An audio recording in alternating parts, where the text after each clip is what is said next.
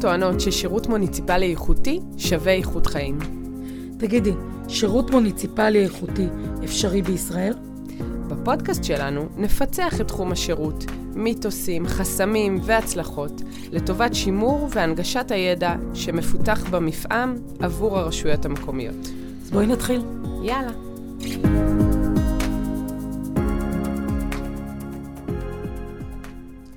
בוקר אור, דקלה רוזנשטיין שלומי. בוקר טוב, דבורית נבו. בפרק הזה אנחנו הולכות להעמיק בנושא השירותיות, שזה השלב השני בפירמידת השירות שכבר הצגנו בפרקים הראשונים. השירותיות זו הדרך, איך אנחנו נותנות שירות, שכוללת גם את הגישה ואת השפה שבה אנחנו חושבים ומשתמשים מול לקוחותינו כאנשי מקצוע בזמן מתן השירותים או המוצרים. שזה בעצם האדיטוד, הגישה, וכל המילים שמייצגות את המחשבות שיש לנו על היחסים האלה עם הלקוחות. תראה, הרשות בעצם מפתחת שפה שהיא שפה שירותית, שבה אנחנו גם חושבים וגם מדברים. אז כדאי שהשפה הזאת שמתפתחת תהיה מותאמת בכל רשות ורשות לערכים ולתפיסה שהיא מעוניינת להנחיל ביחס ללקוחותיה. אז בואי נזכר בהגדרה הקלאסית לשירות. זוכרת? השירות הוא מענה לצרכים וציפיות הלקוחות. מכאן בעצם יוצא שהשירותיות היא הגישה והשפה שבה אנחנו מספקים את אותו צורך ללקוחות שלנו. ואנחנו יודעות להרגיש את הגישה כבר מהרגע שעונים לנו לטלפון, או מהרגע שיוצרים או לא יוצרים איתנו קשר עין. אז כמו שאמרנו, שירות הוא החוויה הכוללת. שזה גם החלקים המקצועיים וגם החלקים הרגשיים שמופעלים ונלווים לכל התהליך. ככל שהארגון במודעות גבוהה יותר לתפיסת השירותיות והחוויה הכוללת, כך יהיה לו חשוב יותר להתעכב על כל חלקי אופן הביצוע, ולא רק על הביצוע בפועל מבחינה מקצועית. כי זה לא רק האם הגענו אל היעד, זה גם איך הגענו אל היעד. תראי, שתינו לאחרונה פגשנו מקרוב את תרבות השירות בארצות הברית, ממש מקרוב. שם כל נותן ונותנת שירות יפנו אלינו באופן יזום ברגע שניכנס לאיזשהו ארגון, ויגידו לנו, Welcome, how are you today? How is your day so far? יבקשו סליחה, יתנצלו על כל עיכוב, אפילו ממש יצאו מגדרם עבורנו כל הזמן. אבל זה לא כל כך דומה לישראל. אנחנו בתרבות אחרת. רק השאלה, למה יש שונות? הרי אין אחד בישראל שלא חוזר מארצות הברית ואומר, כזה שירות בדיוק הייתי רוצה לקבל. וכולנו באמת רוצות ומגיע לנו שירות כזה. אז יש משהו שמשותף לנו בישראל, שאני אומרת שהוא חוצה מקצועות, מגזרים, מגדרים, עדות, גילאים, וזה שאנחנו מצד אחד לא מוכנים לצאת פראיירים, מצד שני גם לא רוצים להיתפס כטרחניים. ובעצם עולם התוכן הישראלי מלא בביטויים שמבהירים את זה. כמה אנחנו רוצים לצאת כשידנו על העליונה. וזאת ההשפעה שלנו על השירות? תראי, מהפכת השירות עדיין לא הביאה את הרשתות ואת הרשויות לאפשר לנותני השירות להיות במקום שיש להם אחריות, בלי לקבל אישור מאחראי משמרת או ממנהל המחלקה, שצריך לקבל אישור ממנהל אגף, שיקבל חתימה מהגזבר. רוב האנשים בישראל עדיין מאמינים שכדי לקבל את מה שמגיע לנו, או לחשוב על פתרון חלופי, נצטרך להפוך שולחן. או שכבר מהבית אנחנו מצטיידים באיזשהו פרצוף של uh, יציאה למלחמה, ומגיעים לקבל שירות כשאנחנו מאוד מאוד טעונות וטעונים. זאת אומרת שבעצם הכל עניין של תפיסה. כן. אם בבסיס הגישה שלנו על לקוחות, אנחנו מאמינות שכל מי שפונה אלינו מנסה להרוס אותנו, או להשמיץ, או לעשות דווקא, לקבל משהו שלא מגיע לו או לה, וכאשר עומד מולנו מישהו שמבקש שירות או מתעקש על מציאת פתרון, זה מוביל את נותני השירות למצב של מגננה, התגוננות. כאילו שעצם העובדה שהדרך שלא תתקבל, הוא המנצח או המנצחת בקרב. תראי, זה לא ככה הרי. כל נותני השירות באמת רוצים לעשות עבודתם נאמנה, באופן מקצועי, כדי לספק צרכים מקצועיים לאנשים שזקוקים להם. ולחזור הביתה בשלום. רק שכל זה תלוי במידת השירותיות, בגישה שבה הם נוקטים מול הלקוחות. מעולה, אז בואי נחזור רגע לגישה.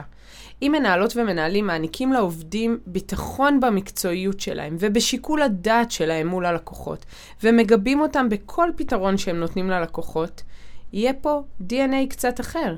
רק כך נותני השירות בעצם יהיו מוכנות ומוכנים לגשת ללקוחות שלהם בסבלנות, אדיבות, להקשיב עד שהם יבינו את הנושא וימצאו פתרון לצורך. וכך כולם יצאו נשכרים. העובדים מצד אחד יחזקו את המעמד המקצועי שלהם מול הלקוחות, מול המנהלים שלהם, מול עמיתים, והלקוחות יקבלו את הפתרון באופן מותאם. וואי, את זוכרת את הדוגמה שסיפר לנו השף משה שגב? הוא אמר בעצם שלכל אחת מהמלצריות או המלצרים אצלו במסעדה יש שיקול דעת מלא כאילו היא או הוא ממש השף עצמו, מנהל המסעדה, אם הלקוח או הלקוחה לא מרוצים מהמנה שלהם, במקום הם פשוט מחליפים להם אותה. זאת אומרת שהוא נתן כאן לכל אחד מהמלצרים והמלצריות שלו את היכולת ואת הזכות לקבל החלטה תוך כדי תנועה, מבלי שהוא צריך להתחיל להתגלגל, לקבל אישור מזה ואישור מההוא, בעוד שהלקוח מחכה למנת המזון. נכון. אנחנו צריכים לחשוב איך לתרגם את אותה מחשבה אלינו, למגזר שלנו. אז בואי נראה רגע איך זה קורה בפועל. למשל, אם uh, לקוחה מגיעה להוציא היתר בנייה ברשות מקומית. הרי ידוע מראש שעובדי המחלקה הזאת הם אנשי המקצוע שיודעים מה התהליך, מה נדרש, מה צפוי, איפה יכולים להיות עיכובים וכשלים, ואיפה צריך את עזרת אנשי המקצוע.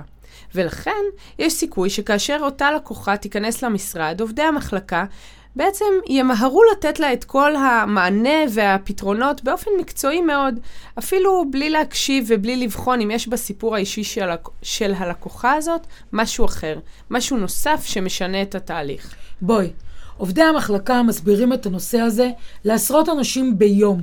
ההסבר מבחינתם הוא קולח.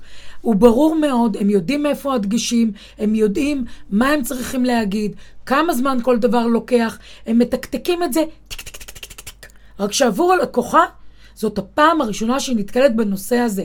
היא שומעת מילים שאולי היא מעולם לא שמעה. היא צריכה את זה בקצב אחר, בהתייחסות למה שרלוונטי מבחינתה. הלקוחה יכולה גם לתפוס את הזריזות הזאת והמקצועיות הזאת בצורה של איזה חוסר הקשבה, ועלולה ממש להיכנס למגננה, להרגיש מאוד לא בנוח, ולתפוס את נותני השירות כמתנשאים או לא שירותיים, אפילו שהם מצידם סיפקו את התשובה העניינית והמקצועית להפליא. אבל אם העובדים קשובים ומבינים את הצורך הייחודי שלה, יודעים אם זו הפעם הראשונה שהיא מגיעה, יודעים איזה שאלות לשאול כבר במפגש הראשוני, כבר מתחילת התהליך. ברגע שהם מבינים את הצורך ואת הרקע שלה, הם יודעים להסביר לה באופן מותאם. זאת ממש תוצאה של מסע הלקוח, שבו מבינים מה תסריט השיחה ללקוחה חדשה, שזאת עבורה פעם ראשונה, או עבור לקוחות מסוגים שונים ואחרים. כך שגם כשעובדי המחלקה ייתנו מענה מקצועי, תוך התאמת התשובה אליה באופן אישי, אותה מבקשת ההיתר תרגיש ותקלוט שרואים אותה, ותקבל את התשובה המקצועית בהבנה. היא גם ממש תרגיש שהיא יכולה לשאול שאלות בתוך הדבר הזה. אגב, זה יכול לקרות בין אם זה פרונטלי, או בין אם זה דיגיטלי. ברגע שאנחנו מצליחים לפצח מי אותה פרסונה שפונה אלינו, אנחנו יודעים ואנחנו מבינים מה הניסיון שלה, מה הרקע שלה, ואיזה סוג של שיח לנהל איתה. שוב אנחנו חוזרות לשים דגש על ההיבטים הרגשיים בחוויית הלקוח, ולא רק ההיבטים המקצועיים. ההיבטים הרגשיים מקבלים מענה כאשר נותני השירות מתפנים ללקוחה, מרימים את המבט, מרוכזים בדברים שלה ומפרטים מה הם צפויים לעשות לטובת קידום הנושא, ולא ממשיכים באותה אוטוסטרדה ולא משנה מי עומד מולם. אז שירותיות מיטבית בעצם מגדירה שנוצר מצב של ווין ווין. גם נותן השירות מרוויח משהו, וגם מקבל השירות מרוויח משהו. הלקוחות יקבלו מענה מקצועי ורגשי. נותני השירות יצליחו להגיע למיצוי מקצועי. הם חדים, הם מפצחים את הצורך, הם מספקים את הצורך. שניהם באמת מרגישים שהם סיימו את השיחה טוב מכפי שהם נכנסו אליה. כולם מנצחים. אבל מה עם התשובה שלילית? מה אם אי אפשר למלא את הבקשה של הלקוחה מכל סיבה שהיא? או, חלק ממתן שירות זאת הידיעה הברורה והוודאית, גם עבורנו כנותני שירות, עבור הלקוחות ועבור המנהלים שלנו. לא תמיד נוכל להגיד כן. האופן אבל שבו אנחנו מתייחסים, האופן שבו אנחנו מגלים אמפתיה, כשאנחנו אומרים, אני מבינה את הצורך שלך ב. הנהלים שלנו הם, ולכן לא נוכל לספק זאת. הלקוחה מבינה שקשובים אליה, שמבינים את הצורך שלה, שמבינים את החלקים הרגשיים שלה, רק שהמגבלות הן לא כלפיה, אלא זה מגבלות ענייניות, ולא חוסר התייחסות, או חוסר אכפתיות, או חוסר קשב של נותני השירות. וזה נכון אגב לכל תחום עיסוק ולכל עולם תוכן מקצועי. אז אם אנחנו מסכמות רגע את עניין הגישה, נוכל לומר שכאשר נותני שירות מגיעים ליום עבודה, הם צריכים להגיע כשהם יודעים ומכירים את ערכי השירות של הרשות. הם גם צריכים להיות בטוחים במקצועיות שלהם ובגב הניהולי שהם יקבלו על ההחלטות שהם מקבלים. הם צריכים להכיר את תהליך הטיפול השלם ואת ה-SLA. הם גם צריכים לדעת מהם המשאבים והכלים שעומדים לרשותם כדי לקיים את התהליך. וברמה הכי אופרטיבית, הם צריכים להרים את המבט ואת הקשב שלהם, להתפקס ולהיות ממוקדים מאוד בלקוחות שלהם ולהבין את הצרכים שלהם. אז הגישה היא שירותית מלאה. כי בעצם שירותיות זה השלב היישומי, בו נותני השירות בוחרים לבדוק איך שני הצדדים יוצאים בשביעות רצון מקסימלית. עכשיו לכל הטוב הזה, בואי נוסיף את הדרך בה מביאים את הגישה לידי ביטוי. התהליך מתחיל בחשיבה ותפיסה, יצירת חזון לשירות, ממנו נגזרים הערכים, אבל הביטוי שלהם בפועל הוא בשפה המדוברת. בארגון בו יש חזון שירות וערכי שירות, הם באים לידי ביטוי בשפה, בכל חלק ממתן השירות, בכל אחת מנקודות המגע. זה בעצם כמו אצלנו בימת שירות. חזון השירות שלנו בימת שירות הוא, יינתן מענה מקצועי ואישי מתעדכן ומותאם לכל לקוחותינו ושותפינו במרחב הציבורי, במגוון ערוצים ולשביעות רצונם. כך שתהליכי קבלת ההחלטות מבוססים על שיח עם התושבים, על בסיס התקשורת המותאמת ותפיסת השותפות. פונים באופן יזום למי שמגיע למשרדים ואומרים, בוקר טוב, איך אני יכולה לעזור לך? ומסיימים כל פגישה ושיחה בשאלה, משהו נוסף שתרצי לקדם? הבוקר תמיד מתחיל בבוקר טוב, גם אם הוא היה פחות טוב, לעמיתים והעמיתות, ובכל שיחת טלפון עונים, ימת שירות שלום, מדברת דקלה. כך הלקוחות שלנו ידעו מי ענתה להם, ונוצר כבר הזרע הראשון של שיח אישי.